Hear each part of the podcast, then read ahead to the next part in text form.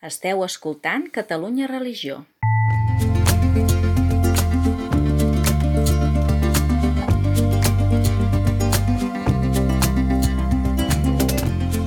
Converses en la frontera, un podcast de Gabriel Jaraba i Xavier Morlans.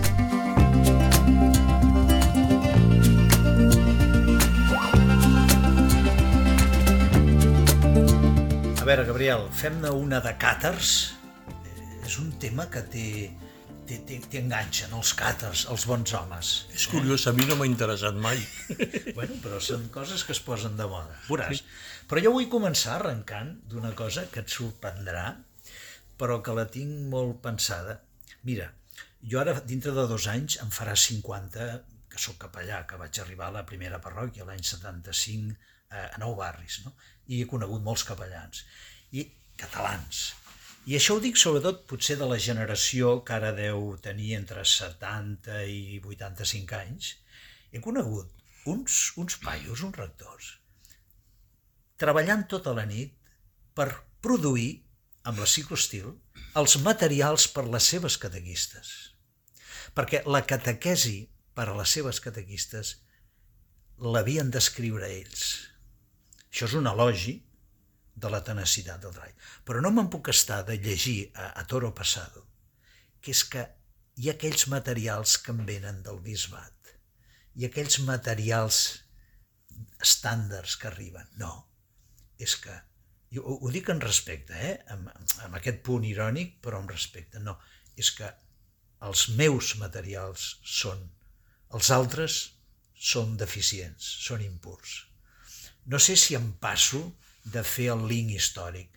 Això ho havia parlat amb mossèn Joan Galtés, que el cel sigui, que era historiador, i que comentàvem aquestes coses, d'on ens venen aquests trets de que només lo meu, el que faig jo, el que dirigeixo jo, el que he pensat jo, és bo, és pur. El que ha pensat l'altre, el que organitza l'altre, el que redacta l'altre. No sé si, si, si è vero o ben trovato, però jo arrenco d'aquí i ara anirem a l'edat mitjana.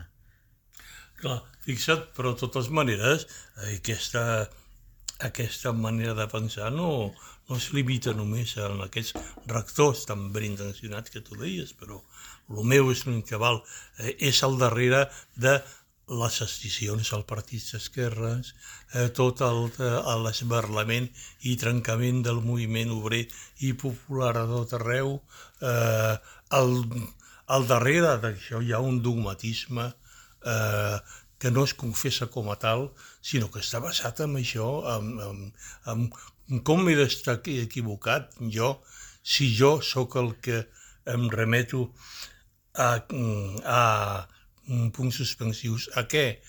A la pròpia consciència com a màxim imperatiu, eh, al jo i a la meva imatge del jo com a única referència vàlida i com a última instància de pedra de toc, és a dir, la diferència que hi ha eh, entre l'esperit comunitari, l'acceptació de l'altre tal com és, eh, l'acceptació la, de la diversitat, de la, de la deficiència, de la feblesa. No hi ha debilitat, deficiència ni feblesa al món del dogmatisme. Eh, I estic parlant amb el terreny del que jo conec, que és l'esquerra social i política. No? Eh, una persona mm, com és Raimon Ubiols, que és un home tolerant eh, i, un home, i un home culte, però no només, no només culte, sinó capaç d'acceptar i de declarar-ho, a més, aquesta mm, diversitat de, escolti'm, potser jo he equivocat, però em sembla que, o jo diria que, a veure, en, aquesta gent molesta. I Ubiols, que avui dia no és un contrincant polític, no es presenta a cap elecció, és diputat, és eurodiputat, i és una persona doncs, molt moderada. Jo segueixo veient que desperta eh, greu, greus irritacions i, i enfados per part de la gent que, que li censura precisament això, que no sigui el seu ego l'última instància que decideix si una cosa val o no val. Bueno, m'interessa, ara sí que ens hem complementat com el Don Camilo i Don Pepone, no? Cadascú ha parlat del terreny que coneix. Així com cal. fem un salt, eh, vaig llegir, ara no, no sabria com dir, però crec que és, és lluminós. Eh, es diu que els càtars, aquest moviment del segle XIII, eh, era un, sobretot venia del nord d'Itàlia, eren comerciants, dada que ara reprendrem, i arriben doncs, al sud de França, i que es caracteritza per aquest eh, afany de puresa, mm? i aquest considerar que hi ha un món, hi ha una forma de matrimoni, una forma de treball de món, que és, que és impur, i hi ha el món pur, càtar, càtar, càtharos, en grec, vol dir, vol dir pur. I hi ha elements d'aquest dualisme, que n'hem parlat de vegades, que va ressorgint al llarg de la història. Però llegia que el món i el matrimoni que rebutjaven els càtars, que eren comerciants del tèxtil, era el món feudal que els impedia, eh, que els hi posava molts peatges per poder vendre teles a les places de, la, de, les, de les ciutats, com el pare de Sant Francesc, no? Eh, Pietro Bernardone, no? i que els càtars criticaven sobretot el món feudal i el matrimoni feudal que es feia per juntar patrimonis perquè és veritat que els càtars més radicals no es casaven, però molts es casaven, però perquè pertanyien a aquest altre món. No? I aquí faríem el link, no sé si una mica rebuscat, però de dir el meu món de comerciant, de tèxtil, sí que és honrat, i el meu matrimoni és més vàlid, i en canvi el món del senyor feudal que imposa el seu poder i que m'està coartant, aquest és el món que és impur. No? aquesta dada molt, molt, molt, molt sociològica de qui eren els càtars en quant a professió i en quant a necessitats comercials, eh, és interessant articular-lo, també. Sí, perquè a més a més, amb el pas dels segles, trobem que reneix i que revifa en altres àmbits i en altres protagonistes. Dis, dissensions sempre partit en un govern o partit en el poder i partit a l'oposició a Espanya mateix, a Catalunya, per descomptat. A Catalunya hi ha un catarisme social mm, que és extraordinari i que, i, que, i que podria ser que fos una de les coses que ens acabés de tirar el carro pel pedregar. Però a Catalunya, recull, sembla que tothom tingui raó. Ostres, no hi ha ningú que digui, escolti'm, perdoni, m'he equivocat. equivocat. Eh? Eh, o com diu l'amic Jordi Llisterri, ben conegut dels lectors de Catalunya Religió, comença sempre els seus articles dient ja em, ja em perdonaran vostès, sí. que a mi em fa molta gràcia. Jo, no, jo ja no necessito llegir res més, jo el Llisterri llegeixo, ja em perdonaran vostès si em peto de riure, dic ara bo. doncs, clar, amb aquest país és un país del que ja et poden anar dient, però hi ha una manera de reaccionar molt catalana, que és el sí però però. Aquest sí però però, aquesta reserva en última instància, uh -huh. que es guarda per ell mateix la última mm, ràcio de la raó, igual la, raó, la redundància o la rebuznància, com deia aquell, em sembla un, un, un signe molt distintiu d'aquest catarisme permanent estès socialment. Comentàvem amb aquest historiador que ja va, va morir, el, el Joan Galtés, que bé, eh, com, com que hi va haver la creuada contra els albigesos, a diferència dels dominics, que precisament neixen per intentar convèncer els albigesos amb la paraula, però finalment el papa i el rei de França hi envien els exèrcits i hi ha una massacre, però va haver molta gent que va fugir i és creïble que van fugir cap avall, passant la frontera del Pirineu i que van venir. Per tant, fins i tot hi ha alguns noms i es preveu que realment hi va haver una, una presència càtara que, a Catalunya que, com en el cas dels templaris, no va ser reprimida. Sembla que hi va haver a Catalunya, no sé si hi havia aquest esperit pactista o no sé, tan, tan, tan dramàtic o tan militar, no, no ho mitifiquem, però és un fet que el catarisme com els templaris, no va ser reprimit, perquè clar, eren gent amb diner, amb poder adquisitiu, i el rei, el Jaume I, havia de, havia de, de, de, de, de tolerar, havia de, de torejar una mica la situació. Bé, hi ha una dada històrica de que podria ser que la nostra sang, així com hi ha sang jueva, hi hagués també aquest ADN càtar, tot i que podríem dir que això també pertany, ja ho has insinuat tu, a la condició humana de, de, de l'egoisme. Però no deixa de ser veritat que aquí a Catalunya es viu amb una certa eh, intensitat. Diu que Cambó, ara que ha sortit aquesta biografia de qui és de, de, de Riquer, de Cambó, de Riquer. deia que Catalunya era la sala d'espera de l'Hospital de l'Enveja. No? Oh, oh, La sala d'espera de l'Hospital de l'Enveja.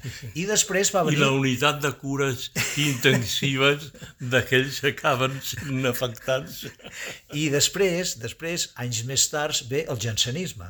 Espera't, que després ve el jansenisme, al segle XVI, que eh, Janseni era aquest que, mm, escriptor holandès que tornava a reprendre de Sant Agustí la llei del pèndol, que aquí ens agrada sovint remarcar, de respecte als que exageraven el poder de la voluntat, no? el pelagianisme, el cel me'l guanyo jo, Janseni interpretant la línia agustiniana antipelagi diu no, no, tot és gràcia i no puc anar a combregar si no m'he confessat i era un jansenisme, un rigorisme, un rigorisme, és la idea de puresa de rigorisme. Podria ser que a l'ADN de Catalunya, i no, ara no voldríem pecar d'autocrítics, però una mica d'autocrítica sí que va bé, hi hagués aquest component de catarisme i de jansenisme. Això recordo que ho parlàvem amb aquest, aquest historiador Joan Galtés, que tenien posicions divergents en altres qüestions, però que aquesta anàlisi d'on caram ve aquesta cosa que el meu és bo si ho faig jo.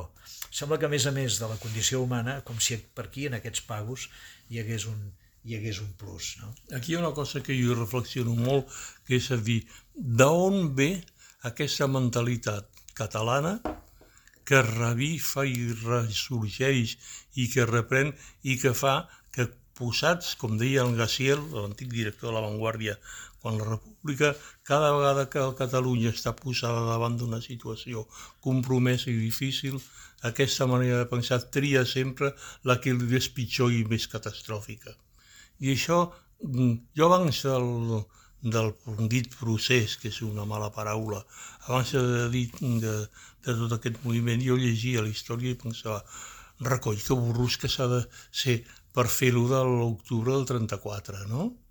Dius, ostres, i després ara, vist el que hem vist i, i viscut el que hem viscut, jo dic, ostres, érem tan burros i més perquè ho hem millorat. M'explico? I perquè aleshores aquesta mentalitat que va portar els dirigents republicans a ser impressionats al, al vaixell uruguai, si no me'n recordo malament, doncs se'ls ha portat aquesta vegada amb una cosa molt pitjor, que és atenyir Catalunya d'aquest catarisme. És a dir, jo tinc raó. A última instància, la raó em correspon a mi perquè jo sóc el pur, el que diu el que cal i el que és i el que no és. En el fons, eh, jo penso, molt modestament, perquè no sóc historiador ni ganes, amb tots els respectes, és que al segle XV, eh, quan, quan mor Martí l'Humà i quan eh, s'estronca la, la, les dinasties catalanes, a, a Catalunya va entrar en un procés molt ràpid de descomposició política, social i econòmica, fins a arribar al bandolerisme el bandolerisme ja veiem que eren partides doncs, de senyors de la guerra, com si fóssim al Txad, eh? com si fossin a la, a la unitat Wagner, no?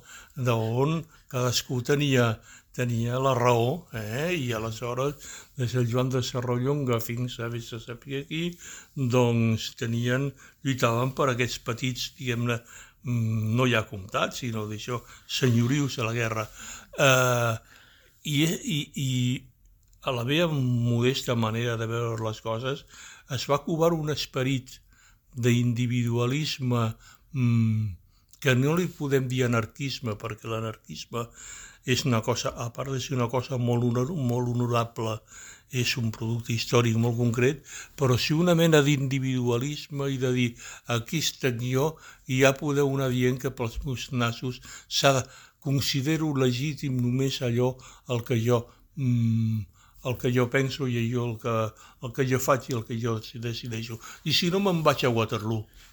M'explico? Clar, i això és molt fotut per una nació moderna al segle XXI, perquè representa el risc de, de, de desaparició d'aquesta nació, que no ve per la pèrdua de la llengua, sinó que ve per la pèrdua del seny. Hi ha un llibre molt interessant que acaba de sortir d'aquest escriptor portuguès, Gabriel Magalhães. Gabriel Magalhães és un home que deu tenir 58 anys, que era fill d'un funcionari portuguès va néixer a Madagascar, era Madagascar, que era, o Angola, Angola, Angola, Angola, que era província portuguesa. Després, no sé per quin motiu, van anar a espatacar al País Bas, fixa't tu, va, es va amarar també de cultura basca i va estudiar filologia hispànica a Salamanca. És un tio molt delicat, eh? respira aquesta saudade... Eh, L'Enric Julián el va descobrir, el va portar aquí, col·labora un cop al mes a l'avantguàrdia, és cristià, era d'esquerres, però es va convertir, ho explica ell, als 24 anys llegint els evangelis, i l'últim llibre que ha tret en castellà és El país que nunca existió, i ell té la tesi i la demostra i fa pensar, no?, que hi ha una ferida que ens ve a tots els pobles abans dels romans, tots els lusitans, els laietans, totes les pobles que hi havia en aquesta península de la pell de brau, arriba a l'imperi romà l'imperi romà imposa, amb les seves legions, imposa el llatí, eh, es perden aquestes llengües i eh, Magallanes sosté que és una ferida que va sobreeixint en diversos moments de la història. La por a perdre a perdre la identitat i per altra banda un sentiment paradoxal que és el desig de pertànyer a una superestructura protectora. No? És, és és aquest xoc que seria ara Europa. I ho raona, eh? Ho raona. Val a dir, val a dir que respecte al fet català que has aportat, cita l'estudi del Charles Taylor, l'expert en, en l'origen del joc, és canadenc, és del Quebec i té un tractat a propòsit del Quebec que, i ho aplica a Catalunya. Catalunya el que vol sobretot és reconeixement, reconeixement. I també fa una crítica molt forta, Magallanes, de la Constitució espanyola diu com és que totes les constitucions d'Alemanya, d'Anglaterra, d'Itàlia s'han reformat i en canvi l'espanyola està congelada al 78 i no és capaç de desenvolupar l'article segon afirmant les nacionalitats, les nacions pel seu nom. Evidentment, ell no, tampoc aposta per un iberisme, eh? però sobretot fa el clam a poder conviure, conviure com germans i ho argumenta força el llibre de Gabriel Magallanes, eh, El país que nunca existió. És curiós això perquè avui hi ha gent mm, dintre tot el, el frec a frec polític que hi ha hagut, i hi ha gent que s'autodenomina eh, fins i tot partits constitucionalistes. I aleshores jo dic, però si a Espanya no n'hi ha de constitucionalistes.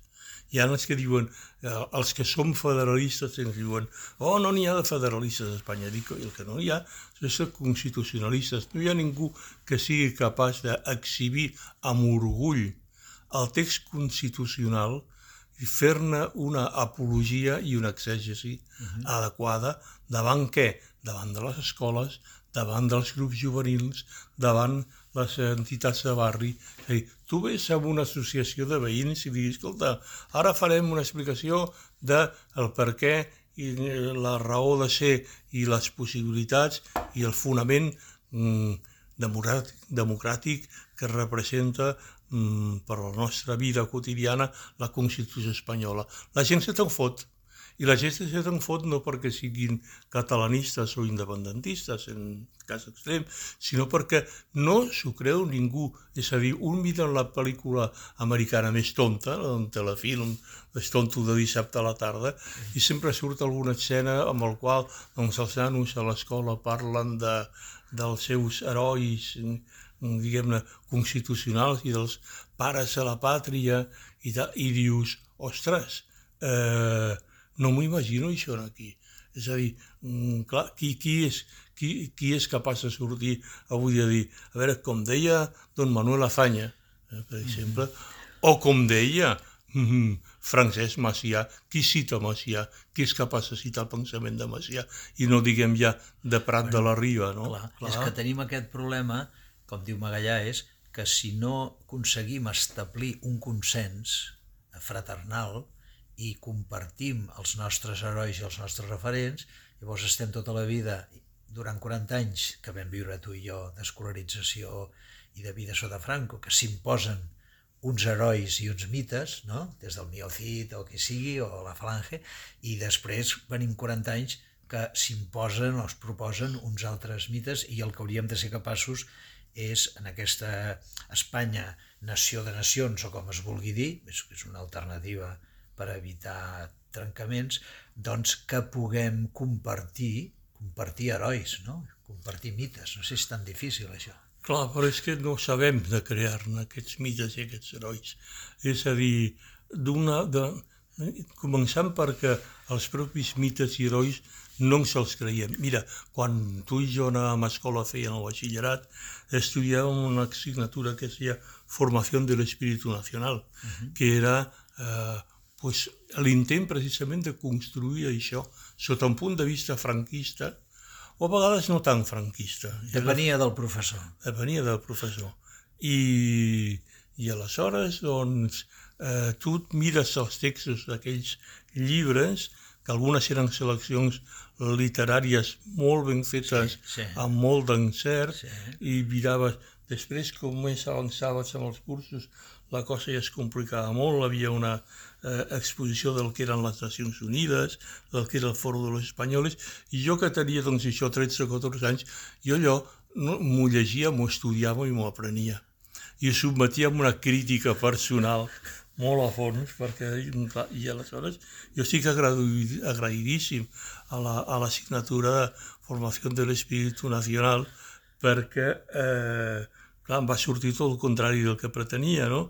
però hi havia un intent mm, maldestre i mal reeixit de poder construir uns certs mites patriòtics.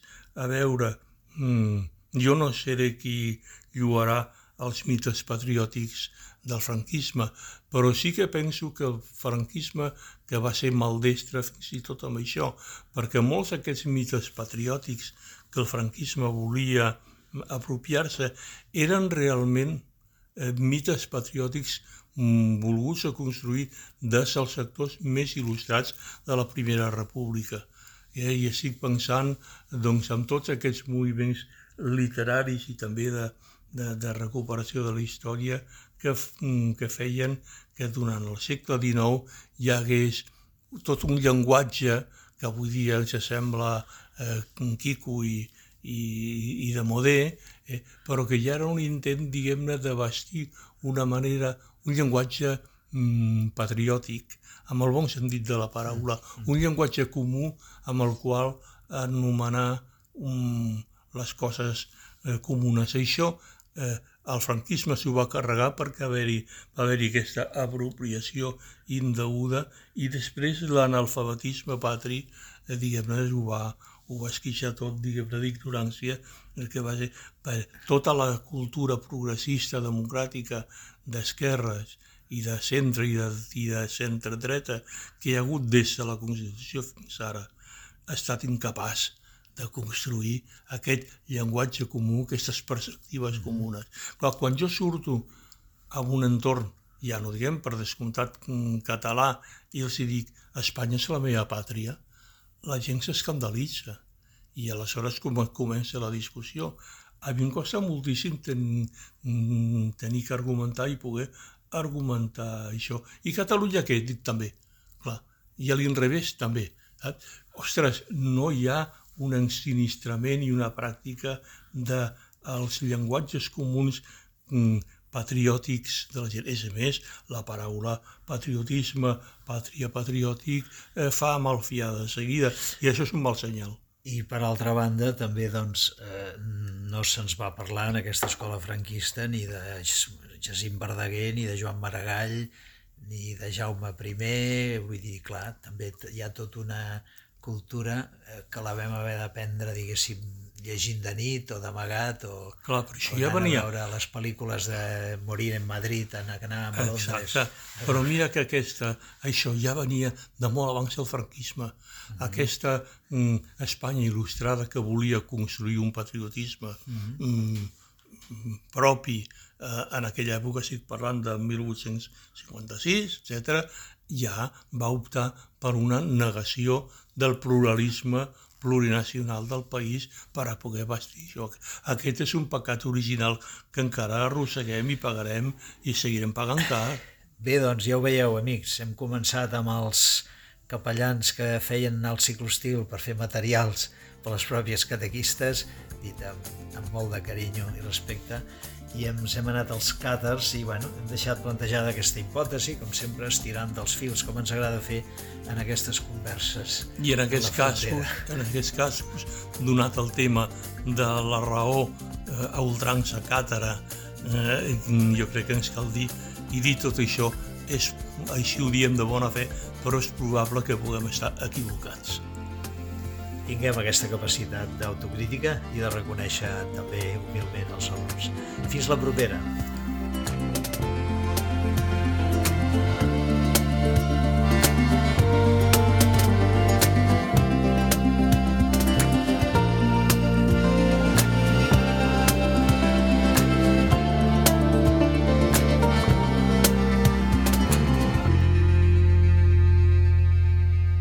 Catalunya Religió